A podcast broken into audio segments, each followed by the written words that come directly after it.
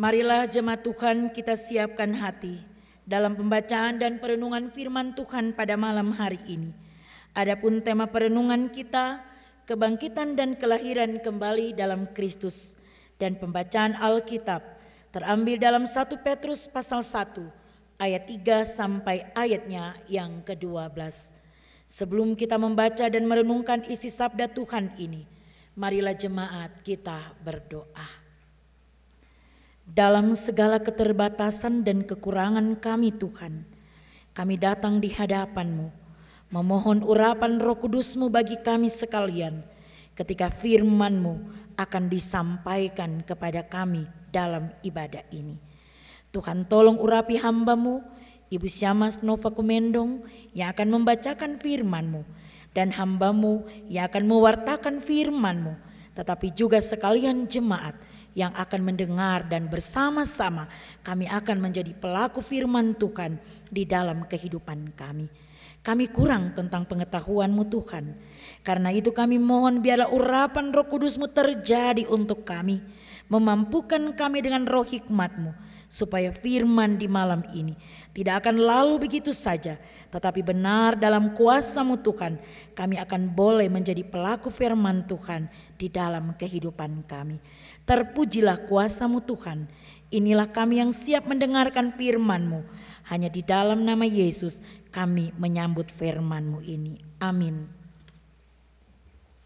1 Petrus 1 ayat 3 sampai dengan ayatnya yang ke-12 dengan perikop pengharapan, iman, dan kasih. Terpujilah Allah dan Bapa Tuhan kita Yesus Kristus yang karena rahmatnya yang besar telah melahirkan kita kembali oleh kebangkitan Yesus Kristus dari antara orang mati kepada suatu hidup yang penuh pengharapan untuk menerima suatu bagian yang tidak dapat binasa, yang tidak dapat cemar, dan yang tidak dapat layu, yang tersimpan di sorga bagi kamu. Yaitu kamu yang dipelihara dalam kekuatan Allah karena imanmu, sementara kamu menantikan keselamatan yang telah tersedia untuk dinyatakan pada zaman akhir. Bergembiralah akan hal itu, Sekalipun sekarang ini kamu seketika harus berduka cita oleh berbagai-bagai pencobaan. Maksud semuanya itu ialah untuk membuktikan kemurnian imanmu yang jauh lebih tinggi nilainya daripada emas yang fana yang diuji kemurniannya dengan api sehingga kamu memperoleh puji-pujian dan kemuliaan dan kehormatan pada hari Yesus Kristus menyatakan dirinya. Sekalipun kamu belum pernah melihat Dia, namun kamu mengasihinya. Kamu percaya kepada Dia, sekalipun kamu sekarang tidak melihatnya.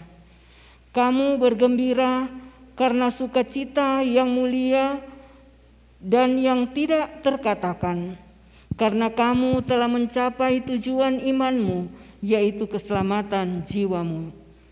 Keselamatan itulah yang diselidiki dan diteliti oleh nabi-nabi yang telah bernubuat tentang kasih karunia yang diuntukkan bagimu. Dan mereka meneliti saat yang mana dan yang bagaimana yang dimaksudkan oleh Roh Kristus yang ada di dalam mereka, yaitu roh yang sebelumnya memberi kesaksian tentang segala penderitaan yang akan menimpa Kristus dan tentang segala kemuliaan yang menyusul sesudah itu.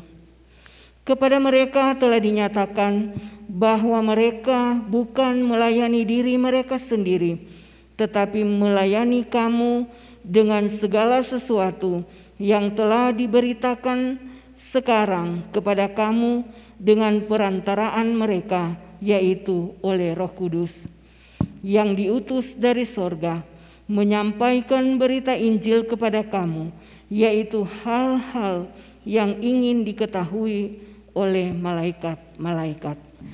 Demikianlah firman Tuhan, berbahagialah setiap orang yang membaca, mendengar, dan melakukan firman-Nya di dalam kehidupannya tiap-tiap hari. Haleluya.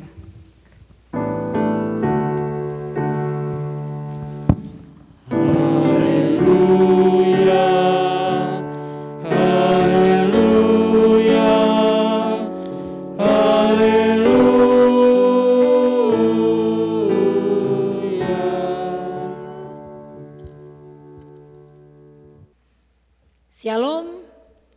Sekali lagi shalom. Saudara-saudaraku yang dikasihi dan diberkati oleh Tuhan kita Yesus Kristus, tema renungan firman Tuhan bagi kita di malam ini kebangkitan dan kelahiran kembali dalam Kristus. Nah, saudara-saudaraku yang dikasihi dan diberkati Tuhan, untuk mengalami kebangkitan dan kelahiran baru di dalam Kristus, syaratnya kita harus punya pengharapan, kita harus punya iman, dan kita harus punya kasih. Ini akan menjadi kunci utama di dalam kehidupan kita untuk masuk di dalam kebangkitan dan kematian Kristus itu mengubah kehidupan kita atau hidup kita diubahkan dan mengalami kelahiran baru. Saudara-saudaraku yang dikasih dan diberkati Tuhan, Petrus berbicara tentang pengharapan iman dan kasih ini. Maka tentunya kita perlu belajar mengetahui dan memahami apa itu pengharapan. Pengharapan dalam bahasa Yunani adalah elpis yang artinya menantikan yang baik. Sedangkan dalam bahasa Ibrani dikatakan mikwe yang artinya sangat menantikan. Dengan kata lain pengharapan adalah sau atau jangkar yang terkait dengan sesuatu dan karena itu punya kekuatan yang sangat dahsyat. Saudara-saudaraku yang dikasih dan diberkati Tuhan. Dan kemudian Petrus mau berbicara tentang iman. Sehingga kita harus perlu tahu iman itu apa saudara-saudara. Iman dalam bahasa Ibrani dikatakan emun atau artinya kepercayaan. Sedangkan dalam bahasa Yunani adalah pistis atau percaya. Dalam firman Tuhan dicatat bahwa iman timbul dari pendengaran akan firman Tuhan. Iman terbentuk ketika kita belajar tentang firman Tuhan yang mencatat sejarah perjalanan karya penyelamatan Allah di dalam kehidupan setiap orang percaya. Sedangkan kasih dalam bahasa Ibrani adalah ahaf yang artinya kasih yang sesungguhnya dari Allah. Dengan kata lain, ketiga bentuk ini semuanya berbicara fokus kehidupan kita kepada pribadi Yesus yang mati dan bangkit itu sendiri. Pengharapan kita kepada Yesus, iman kita kepada Yesus, dan kasih kita belajar dari pribadi Kristus yang selalu memiliki kasih tanpa memandang bulu. Saudara-saudaraku yang sangat dikasih dan diberkati oleh Tuhan kita Yesus Kristus, ketika Petrus berbicara tentang ketiga hal ini, sasarannya adalah kepada orang-orang pilihan Allah yang sedang mengalami pencobaan. Mereka tinggal di satu daerah yang dikatakan mereka berada dalam wilayah Romawi di Asia Kecil terletak di Turki pada zaman modern saat itu. Jelas dicatat pada ayat yang pertama kalau saudara-saudara baca jemaat-jemaat mana yang menjadi sasaran dari tulisan surat Petrus ini. Yaitu ketika Petrus menuliskan surat ini kepada orang-orang percaya di sana adalah untuk menguatkan mereka di dalam menghadapi pencobaan yang terjadi saat itu. Tekanan-tekanan yang mereka alami di bawah kepemimpinan seorang kaisar yang bernama Nero yang tidak berperasaan, yang seolah-olah menomorduakan orang yang percaya kepada Kristus sehingga Petrus ingin mereka fokus kepada kebangkitan Yesus Kristus yang sudah melahirkan kembali kehidupan mereka dan sedang menuntun mereka untuk mengalami keselamatan yang kekal yang tersimpan di sorga sana. Nah saudara-saudaraku yang dikasih dan diberkati Tuhan saya mau bertanya kepada saudara-saudara. Saudara-saudara kenal ini Om Petu atau tidak? Kenal? Petrus namanya, kenal nggak? Atau ada yang bernama Petu di sini atau dipanggil Etus dan lain sebagainya? Ada nama Petrus di sini? Kalau ada saya mau bertanya kepada saudara-saudara, alasan apa sehingga orang tua saudara-saudara menamakan saudara Petrus? Ada satu sifat yang tidak bisa kita contohi dari Petrus adalah meragukan kuasa Tuhan. Kita ingat ketika mereka berada di Danau Galilea, Petrus ragu apakah dia Tuhan Yesus atau bukan. Sehingga Tuhan mengundang dia untuk berjalan dan akhirnya dia tenggelam. Dan pada saat itu Tuhan menunjukkan kuasanya. Petrus adalah pribadi yang menyangkal Tuhan sampai tiga kali sebelum Yesus mengalami penyalipan. Dan Petrus sendiri pada awalnya dia dikenal sebagai Simeon atau Simon. Dia seorang penjala ikan yang tinggal di Betes, Bet, Betsaida. Dia bersama dengan saudaranya yang bernama Andreas dipanggil Tuhan dari kehidupan yang nyaman, seorang nelayan yang begitu sukses dipanggil Tuhan menjadi seorang penjala manusia. Karena itu tadi saya tanya, saudara sudah kenal etos enggak? Kenal ya? Kenal enggak? Kenal. Kita mungkin lebih akar panggil dia etos sudah ya. Karena sesungguhnya dalam pribadi Petrus ini tersimpan sebuah rahasia Allah yang diberikan tugas kepada Petrus untuk memegang kerajaan di bumi ini. Jadi kalau saudara saya pernah pergi ke Israel ya, di Kapernaum sana, di sebuah bekas sinagoge ada patung Petrus. Katanya Petrus memegang kunci kerajaan sorga. Dia pegang katanya, memang ada gambar kunci. Itu sebuah ilustrasi dan betapa ini menggambarkan Petrus itu begitu dekat dengan Tuhan Yesus. Walaupun ada berapa kali dia melakukan segala perbuatan yang seolah-olah meragukan kuasa Tuhan. Namun di sini dalam cerita ini Petrus diangkat sebagai kepala rasul pada saat itu yang bertanggung jawab dengan keselamatan orang-orang yang tinggal di wilayah Roma dan Asia Kecil yang saya katakan tadi yang tercatat dengan jelas pada ayatnya yang pertama pasal pembacaan Alkitab kita. Saudara-saudaraku yang dikasih dan diberkati oleh Tuhan kita Yesus Kristus, sasaran dari tulisan Petrus ini kepada orang-orang pilihan Allah, orang-orang yang dikuduskan oleh Allah yang sudah menerima percikan darah Kristus. Mereka sedang mengalami sebuah pencobaan. Dan Petrus berpikir jangan sampai iman mereka menjadi tidak bersemangat, menjadi loyo ya tidak stronger, tidak kuat, tidak semangat. Sehingga Petrus mau menuliskan surat ini supaya mereka menyadari bahwa oleh rahmatnya yang besar dalam kaitan dengan kematian dan kebangkitan Kristus itu mereka telah telah melahirkan atau dilahirkan kembali untuk menerima satu bagian yang tidak dapat binasa, yang tidak dapat cemar, yang tidak dapat layu, yang tersimpan di sorga bagi kamu. Artinya mereka dituntut untuk setia dan taat, percaya kepada Kristus yang mati dan bangkit.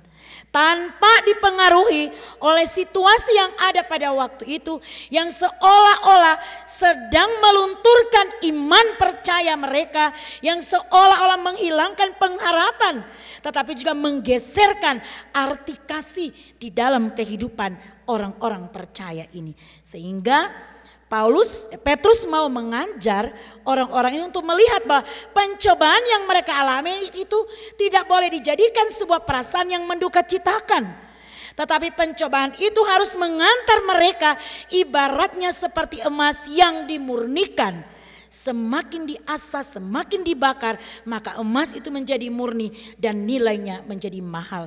Itulah sebabnya kehidupan iman dari orang-orang percaya dalam teks pembacaan firman ini terus diasah dengan pencobaan-pencobaan yang terjadi, bukan berarti Yesus atau Allah membiarkan mereka, tetapi supaya mereka tetap setia, dan pada akhirnya mereka menerima keselamatan yang tersimpan di sorga.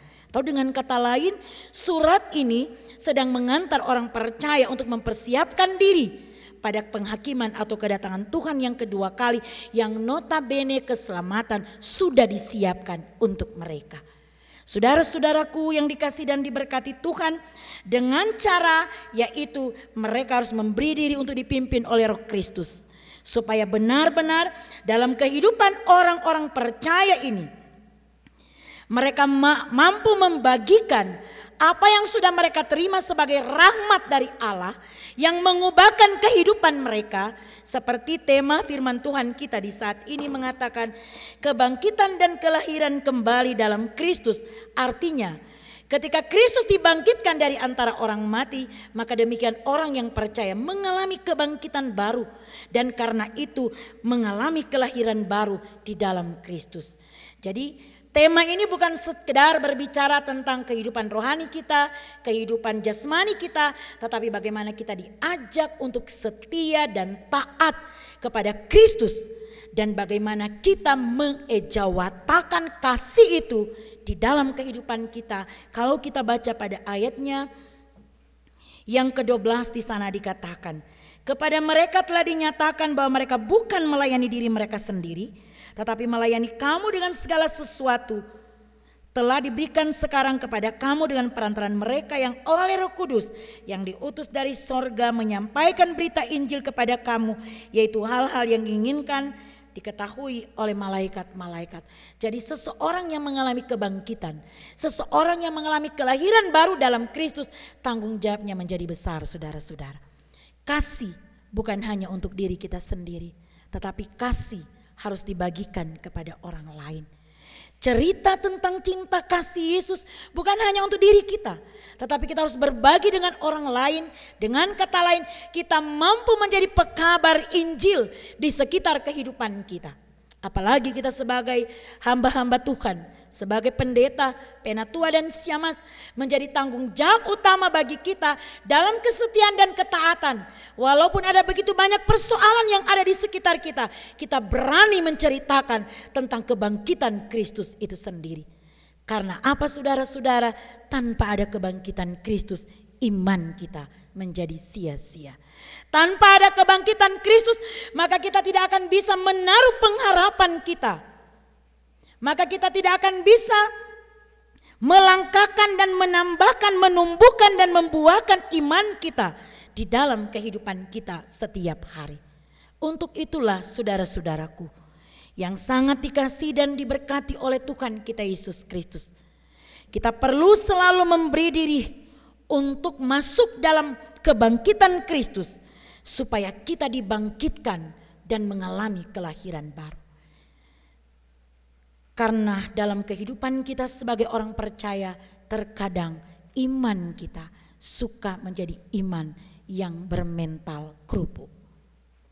Ada masalah kecil, hancur. Iya kan? Tetapi juga ketika kita tidak punya kekuatan di dari Tuhan, pengharapan kita menjadi sia-sia dan kita tidak tahu ke mana jangkar itu ditancapkan. Dan firman Tuhan bilang di dalam diri Yesus Kristus yang bangkit dari antara orang mati. Saudara-saudaraku yang dikasih dan diberkati Tuhan. Dalam perjalanan kehidupan kita tidak sedikit pencobaan yang akan kita alami. Dalam kehidupan pekerjaan kita, rumah tangga kita, tidak sedikit tantangan dan persoalan yang akan kita hadapi. Maka hari atau malam ini Petrus mengajak saya dan saudara untuk belajar dari tulisan suratnya ini. Bagaimana kita menjadi kuat, bagaimana kita menjadi mampu berhadapan dengan segala situasi yang tidak baik itu. Dan tetap setia kepada Kristus yang mati dan bangkit itu. Kalau saudara-saudara punya persoalan malam hari ini, taruhlah pengharapan saudara-saudara kepada Kristus yang bangkit. Kalau saudara-saudara punya persoalan dan kepercayaan saudara masih menjadi ragu, teruslah fokus kepada Kristus yang bangkit itu. Dan kalau malam ini kasih saudara terkikis oleh egois saudara-saudara, terkikis oleh kemarahan saudara-saudara, terkikis oleh kebencian saudara-saudara, pandanglah salib Kristus. Di situlah saudara akan menyadari bahwa hanya berhubungan baik dengan Kristuslah maka pengharapan, iman, dan kasih akan menjadi sempurna di dalam kehidupan kita. Hidup kita ibarat emas yang dimurnikan. Persoalan itu menjadi sebuah bentuk untuk menempa kita supaya tetap kita kuat di dalam kehidupan kita ini. Seperti Kidung Jemaat 332, di sana dikatakan kekuatan serta penghiburan diberikan Tuhan padaku. Dan ayat yang kedua dikatakan suka duka Tuhan berikan. Untuk apa saudara-saudara? Supaya kita punya iman yang kuat.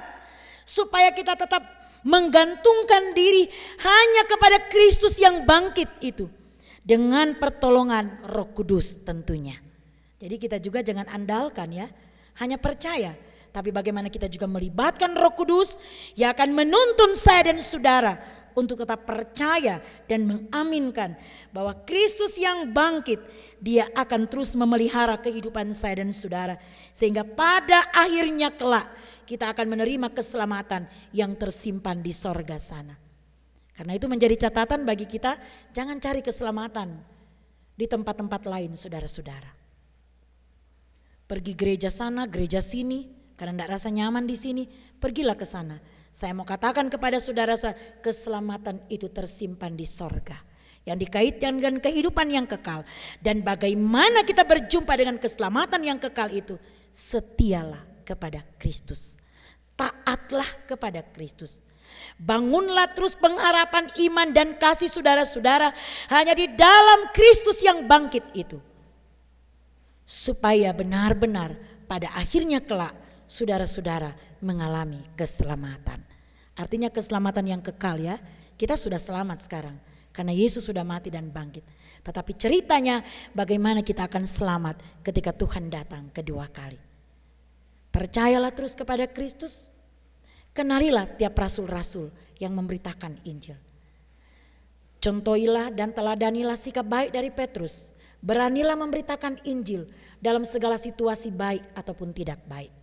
Kita sebagai hamba Tuhan, pendeta dan penatua Syamas, kita sebagai anggota jemaat punya tanggung jawab untuk menceritakan cinta kasih Tuhan di dalam kehidupan kita. Maka demikian bukan hanya kita yang selamat, tetapi orang-orang di sekitar kita juga mengalami keselamatan. Tuhan akan memberkati firman-Nya bagi kita dan akan memampukan saya dan saudara untuk terus punya pengharapan di dalam Kristus, untuk punya iman kepada Kristus dan selalu belajar dari kasih Kristus dijabarkan dalam kehidupan kita sekalian. Tuhan memberkati firman-Nya dan memampukan kita sekalian untuk terus hidup dalam kebangkitan dan kelahiran baru di dalam Kristus Tuhan kita. Amin. Jemaat yang dikasih dan diberkati oleh Tuhan kita Yesus Kristus. Sebelum kita datang dalam doa syafaat, kita akan mengikuti prosesi pamitan dari salah satu anggota jemaat yang akan dipandu oleh PHMJ. Saya persilahkan.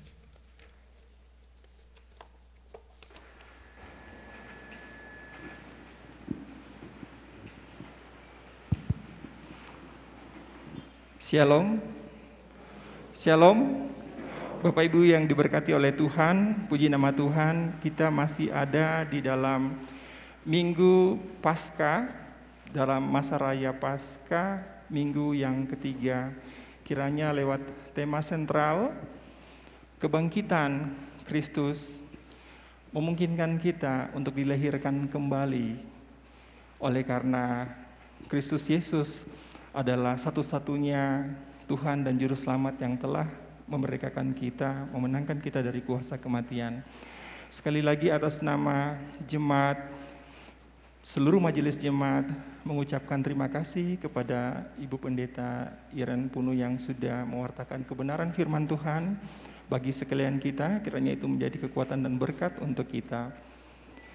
Uh, adapun agenda di malam hari ini, seperti biasanya, kami telah menerima Eh, pemberitahuan melalui anggota jemaat bahwa pada malam ini ada di antara jemaat Tuhan yang hadir yang akan berpamitan. Untuk itu kepada saudari Ria Vince atas nama PHMJ dan seluruh majelis jemaat kami mempersilahkan untuk ke depan.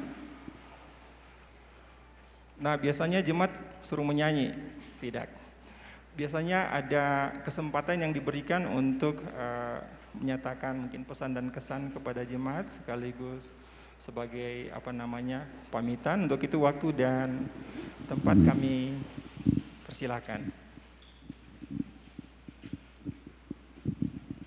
Uh, shalom, selamat malam jemaat semua. Mungkin pada mikir ya ini siapa. uh, sebenarnya, uh, oh, nama saya uh, Vinca Raja Guguk. Uh, saya mulai bekerja di Freeport dari tahun 2011 di program Graduate Development Program pada waktu itu. Uh, eh, maaf ya, saya jadi cerita agak banyak nih. Uh, sebenarnya menjadi seorang mining engineer tuh mimpi saya dari saya masih kecil gitu ya. Terus puji Tuhan setelah saya uh, kuliah di jurusan pertambangan, cita-cita saya sebenarnya adalah bekerja di Freeport spesifik. Dan puji Tuhan, Tuhan kasih kesempatan begitu saya lulus, uh, saya bekerja di sini di tahun 2011. Waktu itu uh, yang terima saya di sini Kamaike, tadi kayak Kamaike ada. terima kasih. Uh, waktu itu uh, puji Tuhan, gereja pertama yang saya datengin di minggu pertama saya datang ke sini adalah GKI Kalvari. Terima kasih untuk semua jemaat yang udah terima saya dari hari pertama saya nyampai di Tembagapura.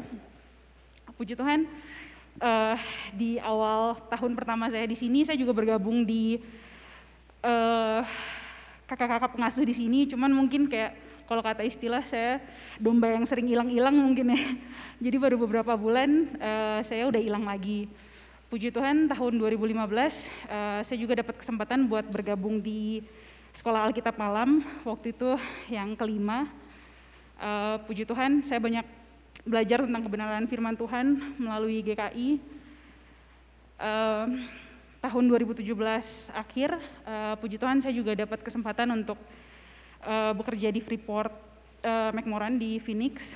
Kemudian tahun 2020 awal saya kembali di sini uh, dan bekerja di grupnya Om Frankie. Uh, sebenarnya malam ini gimana ya maaf saya agak emosional. Uh, setelah 10 tahun bekerja sebagai mining engineer, puji Tuhan tanggal 20 April besok saya akan berangkat ke Jakarta untuk bergabung di divisi HRD. Agak menclok gitu ya dari tambang terus uh, ke HRD. Tapi puji Tuhan saya percaya di mana pun kita ditempatkan Tuhan pasti udah punya rencana buat kita semua ya. Dan puji Tuhan banget juga di awal tahun ini uh, saya diajak bergabung uh, untuk program acara Mari Baca Alkitab sama Kak Ella dan teman-teman yang lain juga Kak Roberto. Terima kasih banyak saya boleh ikut melayani. Uh, saya juga mau minta maaf kalau selama 10 tahun ini mungkin kalau ada yang kenal sama saya dan saya banyak hilang-hilangnya. Dan puji Tuhan malam ini bersyukur banget uh, dikasih kesempatan untuk pamitan tapi saya percaya lah ya, mungkin uh, puji Tuhan ke depannya juga kalau misalnya saya ada tugas bisa datang lagi ke sini karena Tembagapura ini tempat yang tempat terindah yang saya pernah datangi. Bukan hanya alamnya tapi juga orang-orangnya, terutama orang-orangnya. Terima kasih buat semuanya. Baik, terima kasih Ria. Kemudian uh, sebagai tanda kasih kami mengundang uh, Penatua Stella Penas Dua Stella akan memberikan tanda cenderamata mewakili seluruh jemaat PHMJ dan seluruh majelis jemaat. Biarlah plakat ini bisa menjadi tanda tanda kasih dan pelayanan dari seluruh jemaat. Baik, untuk itu kami silakan kembali duduk. Waktu selanjutnya kami kembalikan kepada Ibu Pendeta, Bapak Ibu untuk kembali mengikuti ibadah.